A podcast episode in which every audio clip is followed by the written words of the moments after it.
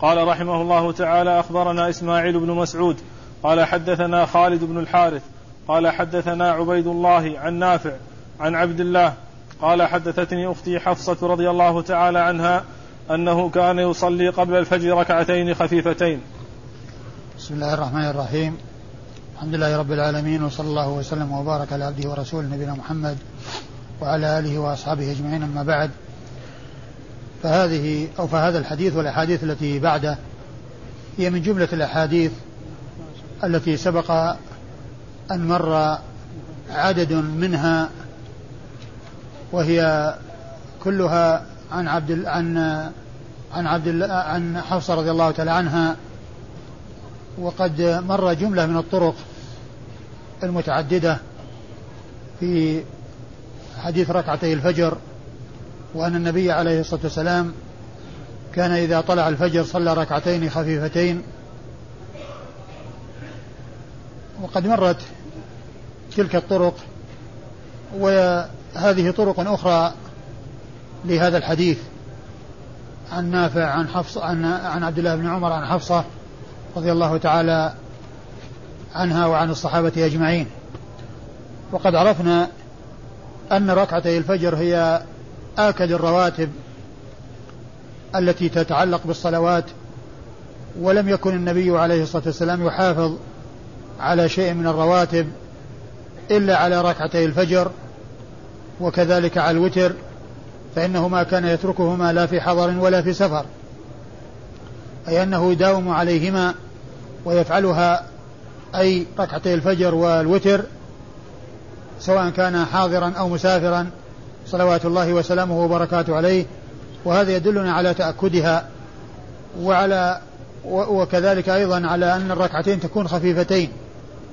لا تطال فيها القراءة بل تقصر فيها القراءة والذي جاء عن النبي عليه الصلاة والسلام فيما يقرأ في هاتين الركعتين كثيرا ما كان يقرأ بقل يا أيها الكافرون وقل هو الله أحد وأحيانا يقرأ بآيتين إحداهما من سورة البقرة والثانية من سورة آل عمران آية البقرة قول قوله عز وجل قولوا آمنا بالله وما أنزل إلينا الآية. وآية آل عمران قل يا أهل الكتاب تعالوا إلى كلمة سواء بيننا وبينكم. أي أنه كان يفعل ذلك في بعض الأحيان صلوات الله وسلامه وبركاته عليه. وإسناد الحديث يقول النسائي أخبرنا إسماعيل بن مسعود وهو البصري وهو ثقة أخرج حديثه النسائي وهو ممن وافقت كنيته اسم أبيه. فأبوه إسماعيل وكنيته أبو إسماعيل. ومعرفة هذا النوع مسعود. أي اسمع نعم إسماعيل بن مسعود. فهو فهو ابن مسعود وأبو مسعود. هو ابن مسعود وأبو مسعود. ومعرفة هذا النوع من أنواع علوم الحديث فائدتها ألا يظن التصحيف فيما لو ذكر بالكنية مع الاسم بدل بدل النسبة مع الاسم فيظن من لا يعرف أن هذا شخص آخر أي أنه مشهور بإسماعيل بن مسعود. فإذا جاء في بعض الروايات إسماعيل أبو مسعود من لا يعرف يظن أن ابن صحفت إلى أبو والواقع أنه لا تصحيف بل هذا صواب وهذا صواب ولا تصحيف في شيء من ذلك. ويروي عن خالد بن الحارث خالد هو بن الحارث البصري وهو ثقة أيضا أخرج حديثه أصحاب الكتب الستة. عن عبيد الله. عن عبيد الله بن عمر بن حفص بن عاصم بن عمر بن الخطاب والمدني وهو ثقة ثبت أخرج حديثه أصحاب الكتب الستة. وهو عبيد الله العمري المكب المصغر وهو ثقة. أما أخوه عبد الله بن عمر بن حفص المكبر فهو ضعيف. فلهذا آه المصغر أحد الأخوين المصغر وهو عبيد الله ثقة وأحدهما الثاني وهو المكبر عبد الله بن عمر ابن حفص بن عاصم بن عمر هذا ضعيف. ويروي عن؟ عن نافع. عن نافع مولى بن عمر وهو ثقة ثبت أخرج حديثه وأصحاب الكتب الستة. عن عبد الله بن عمر بن الخطاب رضي الله تعالى عنهما وهو صحابي ابن صحابي وهو أحد العباد له الأربعة من أصحاب رسول الله صلى الله عليه وسلم. الذين هم عبد الله عبد الله بن عمر وعبد الله بن, بن عمرو بن العاص وعبد الله بن الزبير وعبد الله بن عباس. هؤلاء أربعة اشتهروا بلقب العبادلة الأربعة من الصحابة رضي الله عنهم. وكذلك أيضا هو أحد السبعة المعروفين بكثرة الحديث عن رسول الله صلى الله عليه وسلم. وهم أبو هريرة وابن عمر وابن عباس وأبو سعيد الخدري وجابر بن عبد الله الأنصاري وأنس بن مالك وأم المؤمنين عائشة رضي الله تعالى عن الجميع.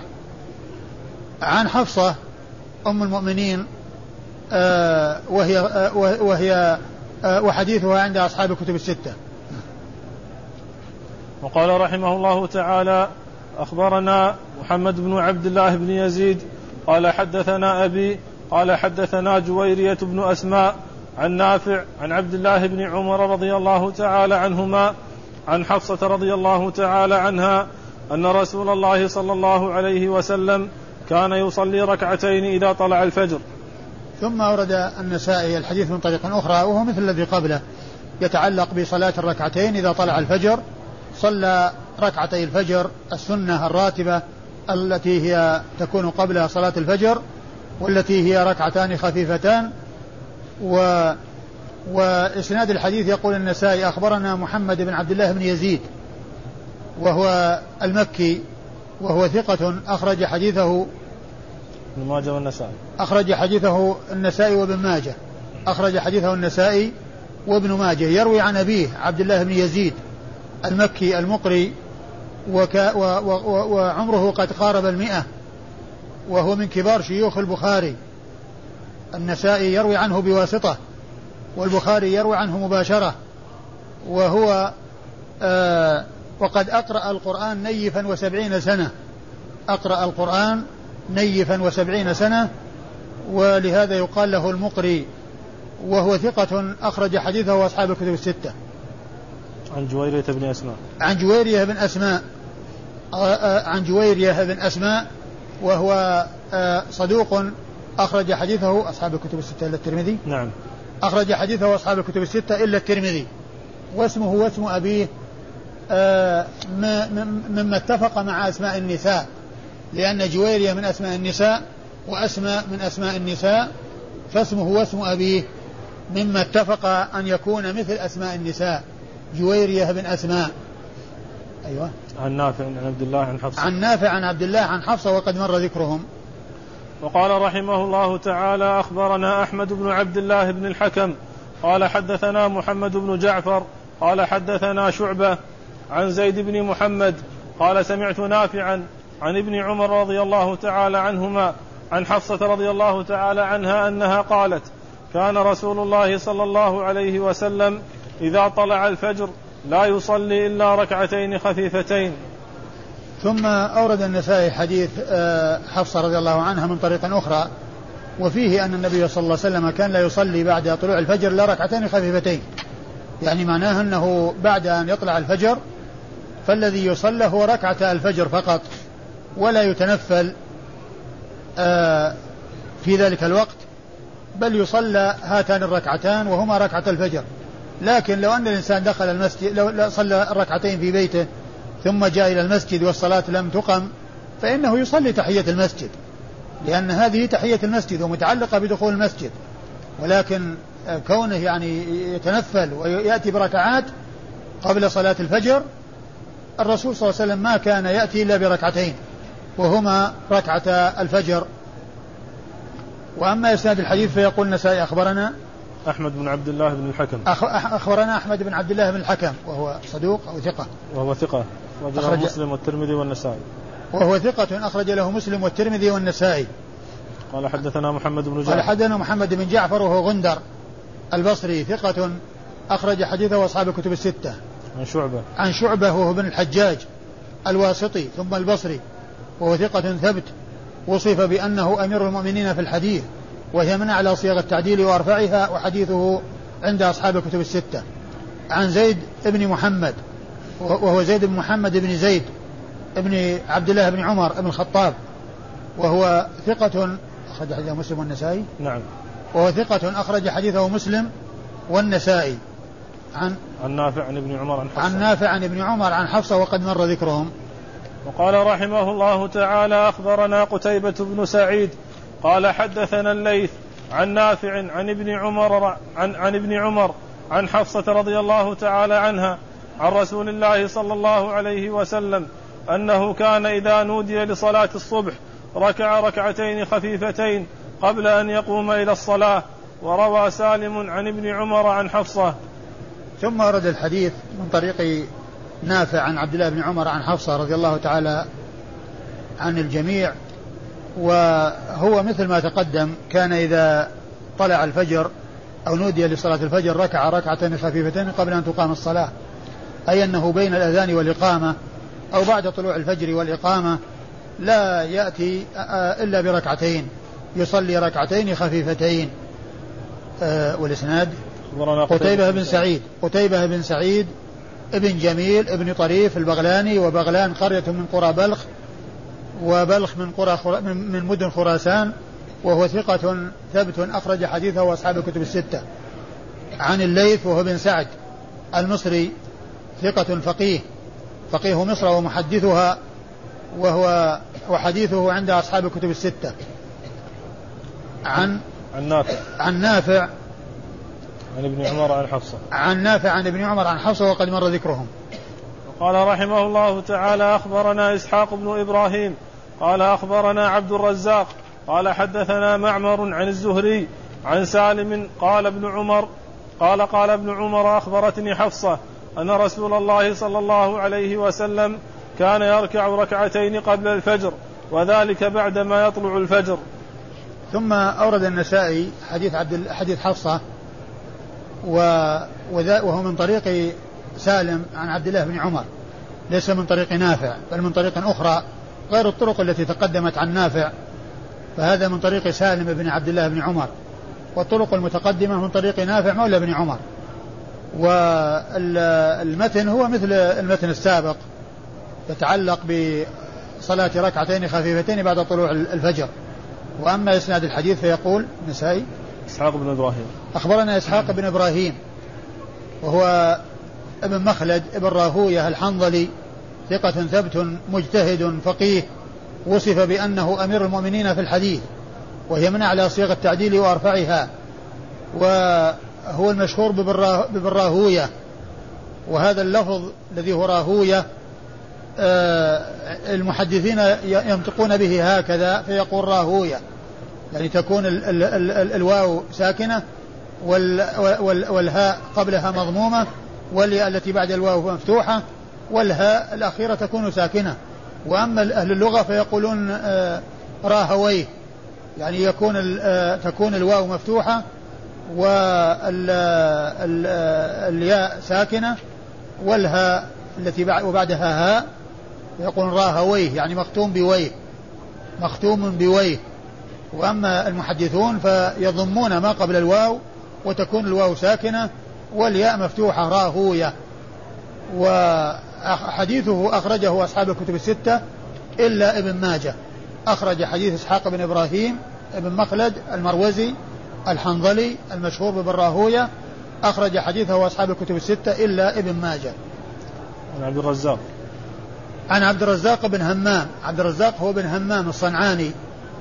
اليماني وهو ثقة حافظ مصنف وصاحب كتاب المصنف مصنف عبد الرزاق وهو مليء بالآثار عن الصحابة والتابعين وحديثه أخرجه أصحاب الكتب الستة. عن معمر عن معمر ابن راشد الأزدي البصري نزيل اليمن وهو ثقة أخرج حديثه أصحاب الكتب الستة.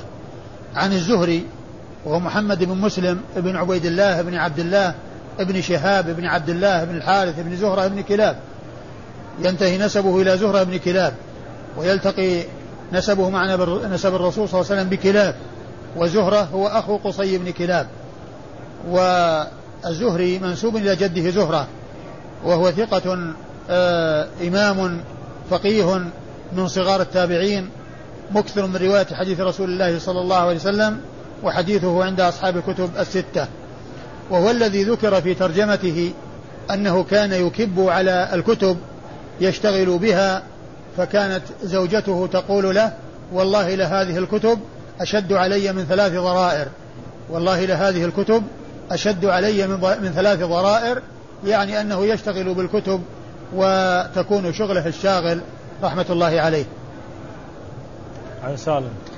عن سالم ابن عبد الله بن عمر بن الخطاب وهو تابعي فقيه من فقهاء المدينة السبعة المشهورين في عصر التابعين على أحد الأقوال آه، المشهورين في المدينة في عصر التابعين فقهاء المدينة السبعة. هو أحدهم على أحد الأقوال في السابع لأن الفقهاء السبعة ستة متفق على عدهم الفقهاء السبعة والسابع فيه خلاف. فالمتفق على عدهم هم عبيد الله بن عبد الله بن عتب بن مسعود وخارجة بن زيد بن ثابت وعروة بن الزبير بن العوام والقاسم بن محمد بن أبي بكر وسليمان بن يسار وسعيد بن المسيب والسابع فيه ثلاث أقوال قيل سالم بن عبد الله بن عمر الذي معنا وقيل أبو بكر بن عبد الرحمن بن الحارث بن هشام وقيل أبو سلمة بن عبد الرحمن بن عوف. وسالم حديثه عند أصحاب الكتب الستة. يروي عن أبيه عن حفصة رضي الله تعالى عن الجميع وقد مر ذكرهما. وقال رحمه الله تعالى أخبرنا الحسين بن عيسى قال حدثنا سفيان عن عمرو عن الزهري عن سالم عن أبيه رضي الله تعالى عنه عن قال أخبرتني حفصة رضي الله تعالى عنها أن رسول الله صلى الله عليه وسلم كان إذا أضاء له الفجر صلى ركعتين. ثم ورد النسائي الحديث من طريق أخرى وهو مثل ما تقدم. وأما إسناد الحديث فيقول النسائي أخبرنا الحسين بن عيسى وهو ثقة أخرج حديثه أصحاب الكتب الستة إلا ابن ماجه. هو صدوق صدوق. صدوق. أخرج حديثه أصحاب الكتب الستة إلا ابن ماجه. أخرج حديثه شيخ البخاري نعم. ومسلم. إيش؟ البخاري ومسلم وأبو داود والنسائي. البخاري ومسلم وأبو داود والنسائي. ما في نعم. الترمذي؟ لا ما في الترمذي. ولا ابن ماجه. ولا ابن ماجه. آه، أخرج حديثه أصحاب الكتب الستة إلا الترمذي وابن ماجه. قال حدثنا سفيان بن قال حد حدثنا سفيان وسفيان هو بن عيينة وهو ثقة آه ثبت حجة آه وهو آه سفيان بن عيينة الهلالي المكي آه أخرج حديثه أصحاب الكتب الستة. عن عمرو. عن عمرو بن دينار المكي وهو ثقة ثبت أخرج حديثه أصحاب الكتب الستة. عن الزهري عن سالم عن أبيه عن حفصة. عن الزهري عن سالم عن أبيه عن حفصة وقد مر ذكرهم. وقال رحمه الله تعالى أخبرنا محمود بن خالد قال حدثنا الوليد عن أبي عمرو عن يحيى قال حدثني أبو سلمة عن عائشة رضي الله تعالى عنها أن رسول الله صلى الله عليه وسلم كان يصلي ركعتين خفيفتين بين النداء والإقامة من صلاة الفجر. ثم ورد النسائي حديث عائشة رضي الله تعالى عنها وأرضاها وهو من جنس حديث وهو مثل حديث حفصة أن النبي صلى الله عليه وسلم كان يصلي ركعتين خفيفتين بين النداء وبين صلاة الصبح يعني بين الأذان والإقامة يصلي ركعتين خفيفتين. فهو دال فهو مثل حديث حفصة المتقدم.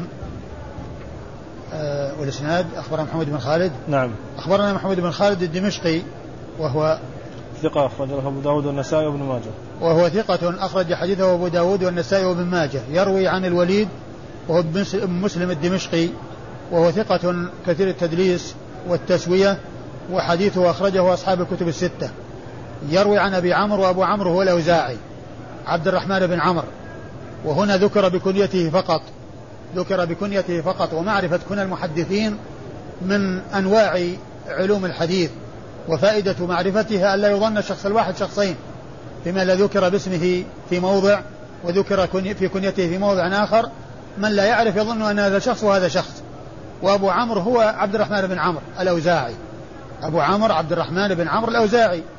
آه، آه، كنيته هو أبو عمرو واسم أبيه أيضا عمرو فهو ممن وافقت كنية اسم أبيه مثل إسماعيل بن مسعود الذي مر بنا قريبا ومثل هناد بن السري. كل هؤلاء آه، أسماءهم تتفق مع أسماء آبائهم تتفق مع كناهم أو كناهم تتفق مع أسماء آبائهم. وهذا وهنا ذكر بالكنية دون الاسم والنسب. وعبد الرحمن بن عمرو الأوزاعي الدمشقي وهو ثقة فقيه فقيه الشام ومحدثها وحديثه أخبره أخرجه أصحاب الكتب الستة. عن يحيى. عن يحيى وهو من أبي كثير اليمامي وهو ثقة ثبت يرسل ويدلس وحديثه عند أصحاب الكتب الستة. عن أبي سلمة. عن أبي سلمة بن عبد الرحمن بن عوف. عن أبي سلمة بن عبد الرحمن بن عوف المدني وهو ثقة فقيه أخرج حديثه أصحاب الكتب الستة وهو أحد الفقهاء السبعة في المدينة في عصر التابعين على أحد الأقوال الثلاثة في السابع منهم. وقد مر ذكرهم قريبا أي الثلاثة الذين هم آآ آآ كل واحد قيل فيه أنه سابع الفقهاء السبعة وهم أبو سلمة هذا وسالم الذي مر ذكره قريبا وأبو بكر بن عبد الرحمن بن الحارث بن هشام. عن عائشة. عن عائشة أم المؤمنين الصديقة بنت الصديق التي حفظ الله بها سنة رسول الله صلى الله عليه وسلم فهي من أوعية السنة وممن حفظ الله تعالى بها السنة ولا سيما الأمور التي تتعلق بالبيت وبين الرجل وأهل بيته وهي التي أنزل الله تعالى فيها آيات تتلى من سورة النور في براءتها مما رميت به من الإفك رضي الله تعالى عنها وأرضاها وهي واحدة من السبعة الذين عرفوا بكثرة الحديث عن رسول الله عليه الصلاة والسلام ستة رجال وامرأة واحدة هي عائشة وقد مر ذكرهم آنفا. وقال رحمه الله تعالى أخبرنا إسماعيل بن مسعود قال حدثنا خالد قال حدثنا هشام قال حدثنا يحيى عن أبي سلمة أنه سأل عائشة رضي الله تعالى عنها عن صلاة رسول الله صلى الله عليه وسلم بالليل قالت كان يصلي ثلاث عشرة ركعة يصلي ثمان ركعات ثم يوتر ثم يصلي ركعتين وهو جالس.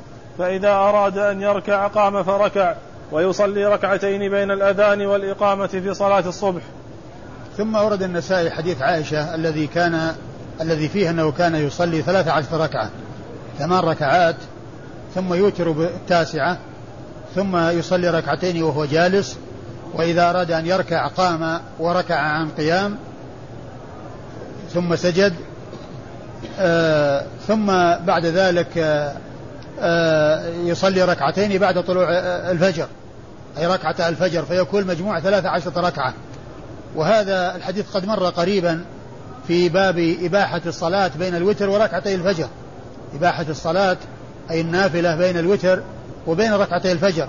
وهنا أورده من أجل الدلالة أو الاستدلال به على الإتيان بركعتي الفجر. بين الأذان والصلاة أي صلاة الصبح. والإسناد أخبرنا إسماعيل. إسماعيل بن مسعود. أخبرنا إسماعيل بن مسعود وقد مر ذكره قريبا وكذلك خالد وهو بالحارث وقد مر ذكره قريبا عن هشام. عن هشام بن أبي عبد الله الدستوائي وهو ثقة أخرج حديثه أصحاب الكتب الستة. عن يحيى. عن يحيى وهو بن أبي كثير عن سال عن عن أبي سلمة. عن أبي سلمة عن عائشة وقد مر ذكرهم. وقال رحمه الله تعالى أخبرنا أحمد بن نصر. قال حدثنا عمرو بن محمد. قال حدثنا عثام بن علي. قال حدثنا الأعمش عن حبيب بن أبي ثابت عن سعيد بن جبير عن ابن عباس رضي الله تعالى عنهما قال كان النبي صلى الله عليه وسلم يصلي ركعتي الفجر إذا سمع الأذان ويخففهما. قال أبو عبد الرحمن هذا حديث منكر. ثم أورد النسائي حديث حديث عائشة. حديث ابن عباس. حديث ابن عباس رضي الله تعالى عنهما المتعلق بركعتي الفجر. المتعلق بركعتي الفجر وأنه عندما يطلع عندما عندما إيش؟ يسمع الأذان أو يطلع الفجر. كان يصلي ركعتي الفجر إذا سمع الأذان ويخففهما. كان يصلي ركعتي الفجر إذا سمع الأذان ويخففهما. آه وهذا مثل مثل ما تقدم. وأما الإسناد فيقول النسائي أخبرنا أحمد بن نصر. نعم. أخبرنا أحمد بن نصر هو النيسابوري وهو ثقة حافظ أخرج حديثه. الترمذي والنسائي. أخرج حديثه الترمذي والنسائي. عن عمرو عمرو بن محمد. عن عمرو بن محمد وهو العنقزي. آه وهو ثقة. ما ما هو عندي شيء. ها؟ ها؟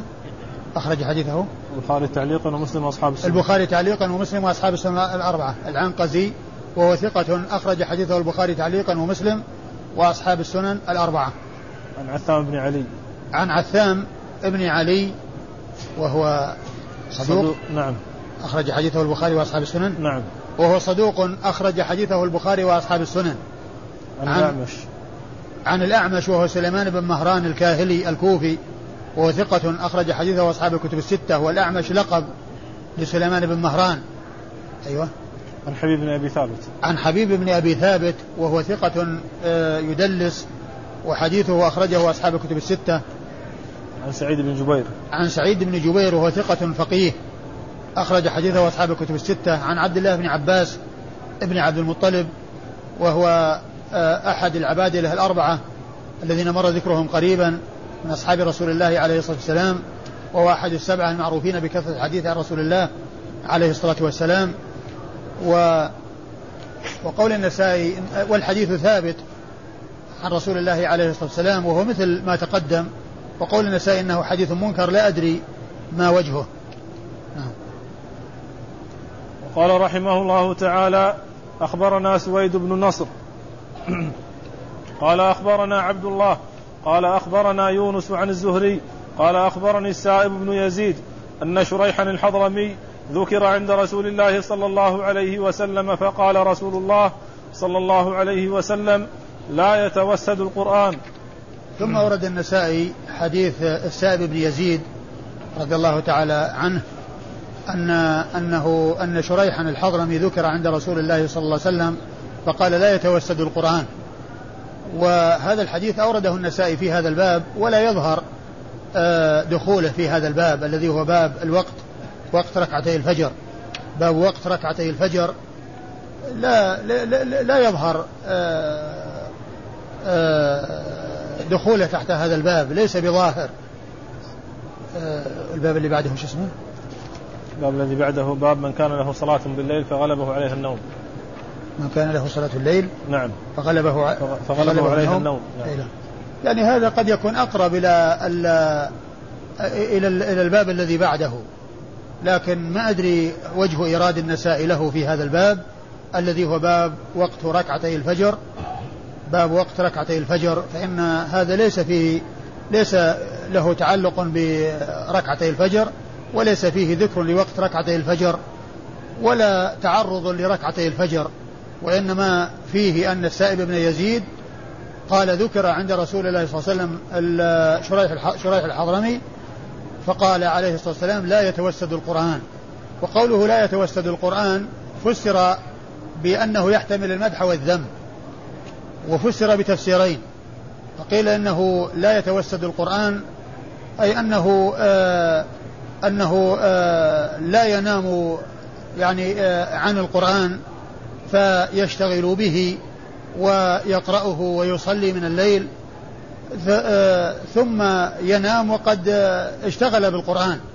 فهو لا يتوسد القرآن بمعنى أنه آه، يعني لا لا يعني ينام عنه وإنما يشتغل به ويعنى به ويقرأه. وقيل وهذا احتمال المدح. ويقابله احتمال الذم أنه لا لا يحفظ شيئا من القرآن. لا يتوسد القرآن يعني لا يحفظ شيئا من القرآن. وفسر بتفسير آخر وهو أنه لا يتوسد القرآن يعني لا يمتهنه لا يمتهنه وإنما يجله ويحترمه ويعظمه. بل يجله ويحترمه ويعظمه وهذا هو احتمال جانب المدح.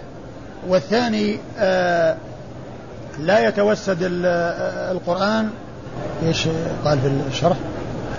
لا يتوسد القرآن. إذا جعله آه تحت رأسه. آه لا في الأول. كونه مدحا يعني؟ لا كونه ذم.